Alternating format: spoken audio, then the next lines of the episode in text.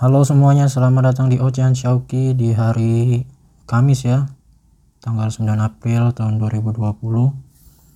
Di mana hari ini adalah hari kesekian harinya dari sebuah physical distancing, di mana kita harus melakukan everything from home.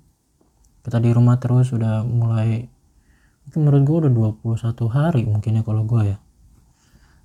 Udah lumayan kalau udah tiga minggu ini tiga minggu lebih gue di rumah terus ya. Sebenarnya ada rasa bosen sih. Kita nggak bisa main kita nggak bisa keluar. Uh, tapi semua itu harus benar-benar syukurin men.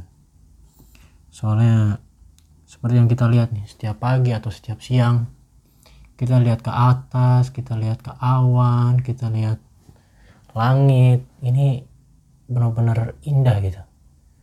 Mungkin ini kayak pertama kalinya gue ngelihat awan di kota Bekasi yang apa ya indah gitu men. Warna biru biru biru biru gitu. Dan emang jarang banget gue ngeliat kayak gini karena selama ini kan selalu tertutup oleh polusi oleh ya limbah-limbah pabrik mungkin yang terlalu banyak. Tapi sekarang dengan adanya pembatasan sosial ini kita lihat alam pun kembali baik.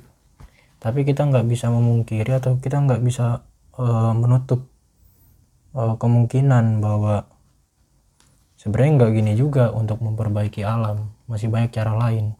Nggak harus dengan physical distancing nggak harus dengan uh, memunculkan virus atau perkembangan virus. Karena kan kalau gue dengar-dengar atau orang-orang itu bilang wah ini bagus nih uh, alam seperti ini. Berarti harusnya dunia ini harus ada virus habis itu pada di rumah alam baru bisa seperti ya nggak gitu juga botak ya kan? Lu bisa lewat cara apa aja gitu loh men dengan pembatasan. Kalau misalnya semoga aja ya ini virus udah selesai gitu lu bisa nih ngelakuin kegiatan lu. Naik transportasi umum gitu kan naik bis naik kereta angkot ojek walaupun ojek juga ini menurut gua nggak termasuk ini juga sih apa e, transportasi umum ya karena dia cuma ngangkut satu orang habis itu malah banyak motor juga otomatis. Jadi kayak sama aja lu bawa motor sendiri. Dan kalau misalnya 200 orang bawa motor sendiri ya tetap motornya 200 polusinya juga banyak. Kalau misalnya 200 orang itu naik gojek otomatis kan beda-beda nggak mungkin satu gojek isi tiga boti gitu kan atau bopat nggak mungkin kan jadi satu-satu sama aja polusinya yang keluar. Se 200 200 uh, orang itu 200 motor gitu kan. Lu bisa ngelakuin apa aja men menurut gua kalau misalnya ini virus sudah selesai untuk menjaga biar alam kita sama kayak gini kita bisa melihat langit yang biru sunset yang indah sunrise yang indah. Ya dengan cara-cara itulah harus lebih ramah lingkungan harus lebih mencintai alam ya kita ke depannya. Ini sebuah teguran keras mungkin menurut gue ya. Di mana seperti yang gue bilang di episode gue yang sebelumnya bahwa banjir atau apa pun itu sebenarnya bukan salah pemerintah. Sebenarnya bukan salah rakyatnya. Tapi ini salah semua orang. Semua individu. Nggak nggak mungkin nggak gini gini nggak mungkin ini salah lu doang. Ini salah gue juga nggak mungkin salah mereka ini salah kita juga. Karena apa? Karena kita terlalu egois untuk membuat alam itu menjadi sebuah beton-beton. Ngerti gak sih maksud gua? Kayak misalnya gini satu hutan luas. Karena kita pengen e, membangun transportasi yang bagus transportasi yang cepat tol misalnya ya. Habis itu tol itu kan dibangun oleh pemerintah atau pihak swasta sehingga hutan-hutan itu dibabat. Beberapa bagian maupun beberapa bagian tapi itu kan tetap hutan yang dibabat. Untuk kepentingan kita bukan untuk kepentingan pemerintah. Untuk kepentingan kita karena kita ingin menuju tempat itu dengan apa yang kita punya dengan cepat. Coba kalau kita semua ini uh, lebih apa ya lebih mikir atau lebih bersikap tidak egois untuk berbuat semena-mena kepada alam mungkin kayak banjir atau uh, polusi-polusi padat lapisan ozon yang menipis nggak bakal terjadi men. Jadi menurut gua ke depannya kalau insya Allah ini nggak selesai wabah ini penyakit ini pandemi ini ya kita harus melakukan kehidupan kita dengan sehat PHBS tentunya ya. Pola hidup bersih dan sehat. Selanjutnya juga kita harus uh, lebih mencintai alam kita menanam tanaman menanam pohon sehingga air-air yang turun hujan itu bisa diserap bukan hanya oleh tanah tapi oleh akar-akar di pepohonan gitu loh men. Ya seperti yang kita tahu sendiri men. Bulan ini bakal ada Ramadan. Di mana dengan ini kita juga semakin memuhasabah diri kita sendiri. Introspeksi diri kita sendiri. Gue sempat ada pikiran kenapa harus ada virus ini? Kenapa virus ini harus merajalela gitu loh men? Sedangkan sebuah hari kemenangan udah sebentar lagi. Coba lo bayangin men. Sekarang tanggal 9 April. Sekitar 14 hari lagi kita udah mulai sholat taraweh. Udah mulai perang sarung main petasan. Bakal banyak uh, undangan-undangan bukber tapi dengan virus ini semua hal itu tapi menurut gua kalau emang belum selesai sampai nanti puasa kita nggak bisa menikmati itu men. Menikmati yang namanya benar-benar toleransi. Menurut gua ya. Karena kan orang-orang di luar sana orang-orang para petinggi selalu bilang toleransi toleransi. Sedangkan toleransi ini udah kita buat dari elemen terbawah masyarakat. Karena ketika lu bukber lu ngundang teman-teman lu men entah itu ada yang berpuasa atau yang nggak berpuasa antara itu ada yang menjalankan atau yang tidak menjalankan antara ada yang ya sepaham dengan kita atau tidak kita ikut bareng-bareng men. Kita bareng-bareng buka puasa bersama. Walaupun yang nggak berpuasa sebelumnya udah makan tapi di tempat itu mereka harus nahan sampai kita sama-sama buka puasa bersama men. Dan menurut gua sebuah keindahan itu harus kita dapatkan di bulan puasa nanti men dengan cara ya berdoa bahwa virus ini sebentar lagi harus selesai. Karena fase atau masa karantina atau penyembuhan itu kan 14 hari men. Untuk penyakit covid-19 ini ya 14 hari. Jadi kalau kita berpikir 14 hari ke depan kalau emang orang-orang kita nggak banyak keluar habis itu yang sakit itu sadar bahwa dia sakit dia di rumah aja gitu loh atau dia ke fasilitas pelayanan kesehatan buat diisolasi di sana atau karantina di rumahnya.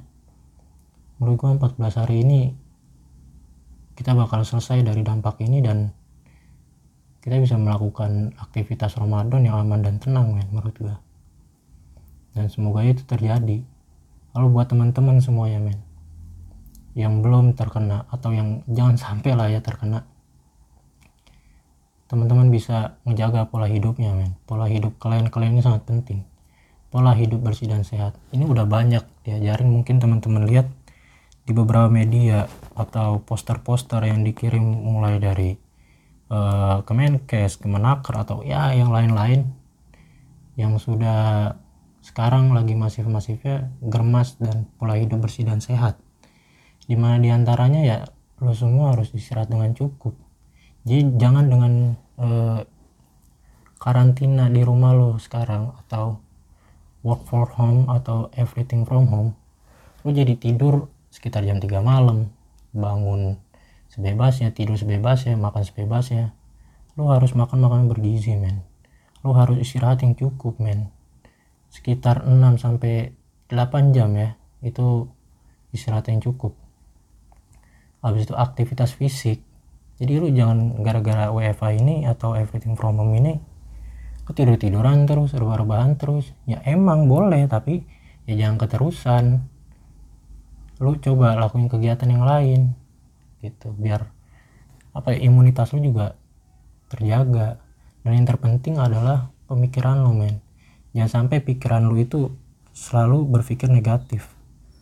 Atau berpikir yang apa ya memberatkan pikiran lu lu entengin aja pikiran lu men. Lu santain. Lu enjoyin aja pikiran lu biar imunitas kita ini tuh tidak terdesak untuk memikirkan memikirkan hal tersebut. Karena imunitas ini juga tergantung dari mental lo men. Tergantung dari pemikiran lo men. Terma, tergantung dari apa nih yang lo pikirin. Kalau pikirin macem-macem? Waduh ini penyakit. Kacau. Ya emang kacau. Waduh ini penyakit. Bisa nular gua nih. Ya jangan sampai pikiran jangan sampai kayak gitu men. Pikiran bahwa wah ini penyakit berbahaya. Ya iya. Tapi ini harus harus selesai nih bener-bener.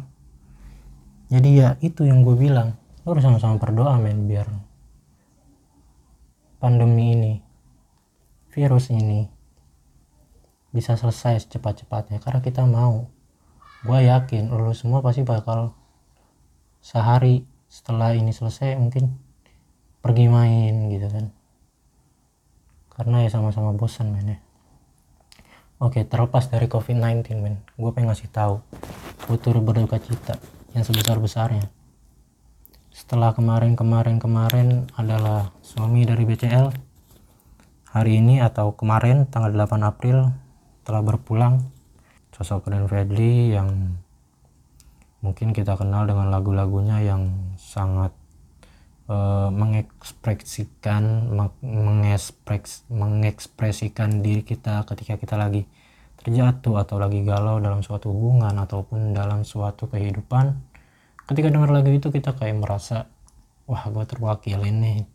Ini lagu gue banget gitu loh. Kalau anak-anak uh, jaksel ngomongnya ih gila. Ih gila ya. Ya. Tapi men semenjak COVID-19 ini e, berkembang dan ada physical distancing, ada sebuah kabar-kabar juga selain dari Grand Freddy yang meninggal, di mana Yasona Lauli, ya dia sebuah men seorang menteri ya, bukan sebuah menteri, seorang menteri yang sempat mengatakan kalau dia ini e, pengen membebaskan napi koruptor.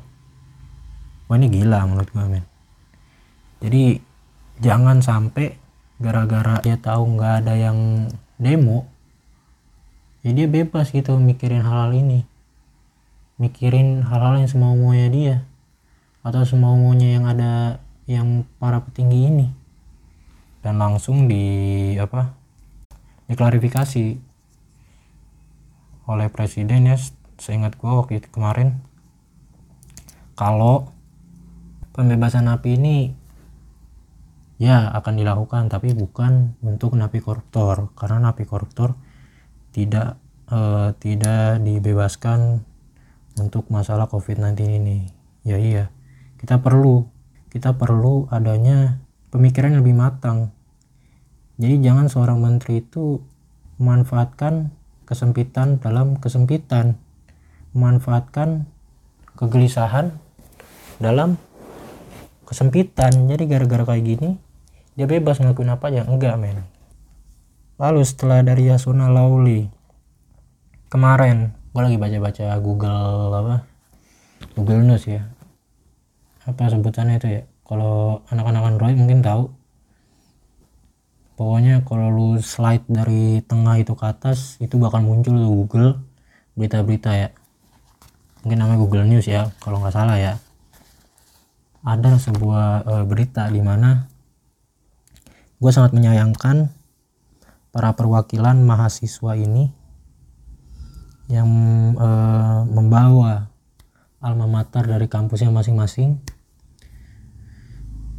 Uh, gue langsung rada gak enak juga sih karena kampus gue juga di Jakarta gitu.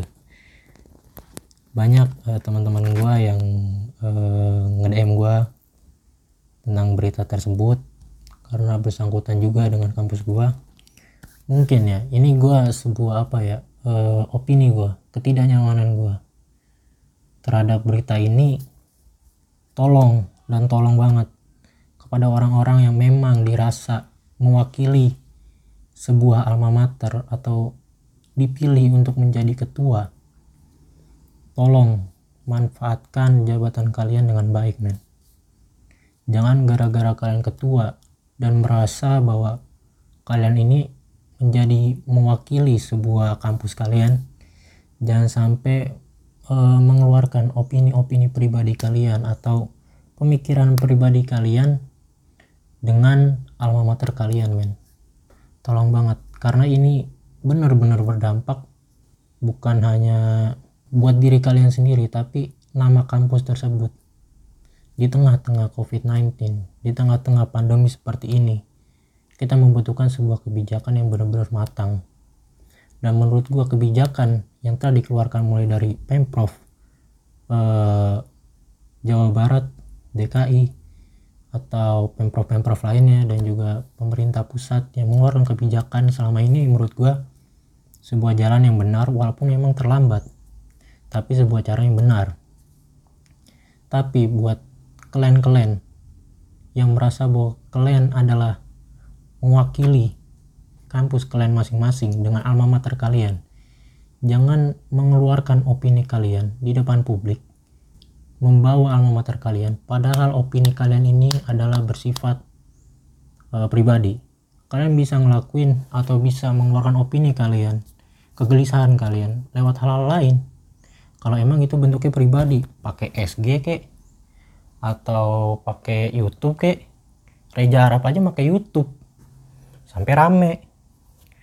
Ini kalau lu mau rame lu bikinnya YouTube. Biar aspirasi lo atau kegelisahan lo didengar. Jadi itu lo membawa nama pribadi bukan nama kampus.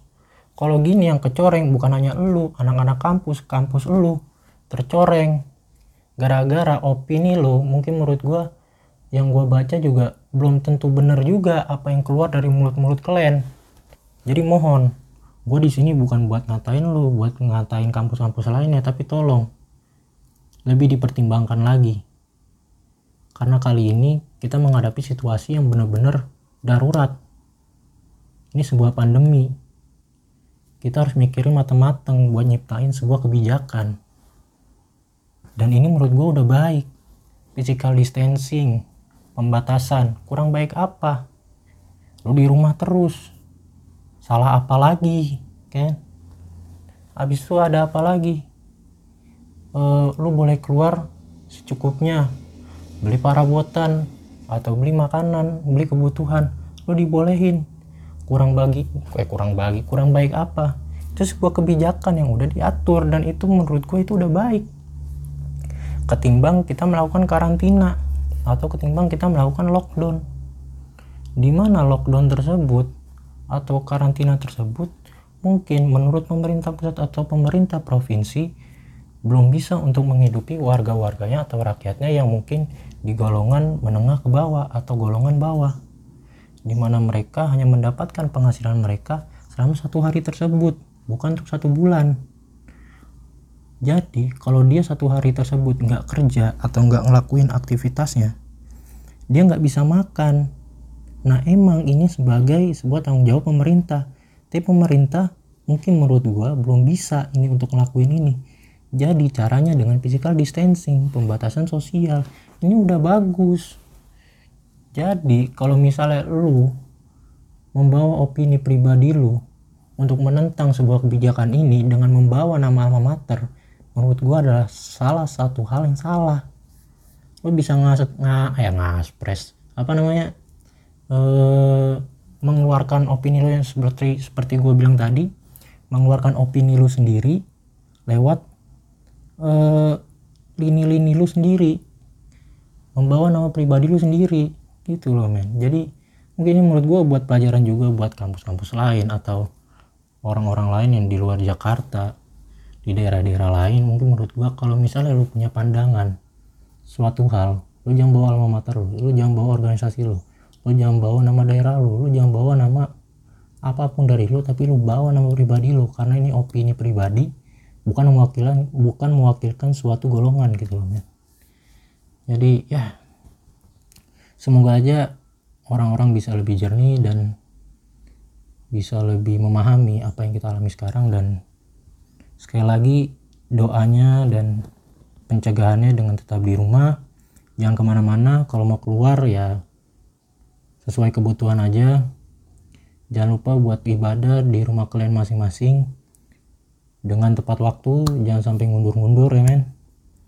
Dan juga tetap berdoa kepada yang kepada yang maha kuasa kepada Tuhan yang maha esa agar wabah atau pandemi ini bisa cepat-cepat berakhir dan kita bisa beraktivitas secara normal dan juga bisa menjalani uh, puasa bulan Ramadan ini secara aman dan tenang mungkin sekian dari gua kurang lebihnya ya mohon dimaafkan karena ini sekali lagi gua bilang opini pribadi gua kurang lebihnya mohon dimaafkan sekian dari gua dan Terima kasih.